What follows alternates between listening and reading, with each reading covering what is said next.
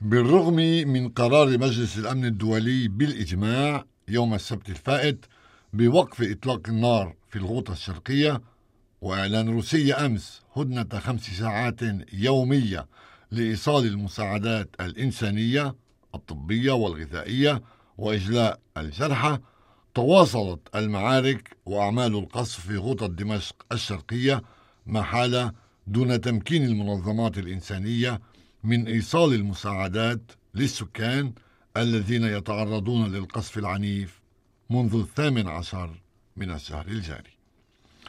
وفي حين تبادل طرفا النزاع تهم خرق الهدنة وعدم احترامها أكد الناطق الرسمي بلسان مكتب تنسيق المساعدات الإنسانية التابع للأمم المتحدة أن معرفة من خرق الهدنة ليست مهمة بالنسبة للعمال الإنسانيين وأكد استعداد مكتب التنسيق لإرسال قوافل المساعدات وإجلاء مئات المرضى والجرحى لكن الأوضاع الأمنية حاليا لا تسمح لنا بذلك كما قال. وكان مدير المرصد السوري لحقوق الإنسان رامي عبد الرحمن اتهم الرئيس السوري بشار الأسد بإطلاق ست قذائف مدفعية وبرميلين متفجرين وشن غارة جوية في التاسعة من صباح اليوم أي في موعد دخول الهدنة حيز التنفيذ.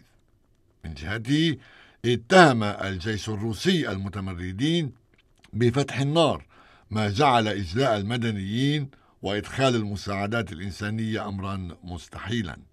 كما اتهمت وكالة الأنباء السورية الرسمية سانا المتمردين بقصف الممرات الإنسانية التي تقود إلى مخيم رافدين لمنع المدنيين من مغادرة المنطقة. على صعيد المواقف الدولية اعتبر وزير الخارجية الفرنسي جان إيف لودريان الذي يزور موسكو حاليا أن لروسيا مسؤولية كبيرة في فرض تنفيذ قرار مجلس الأمن الدولي.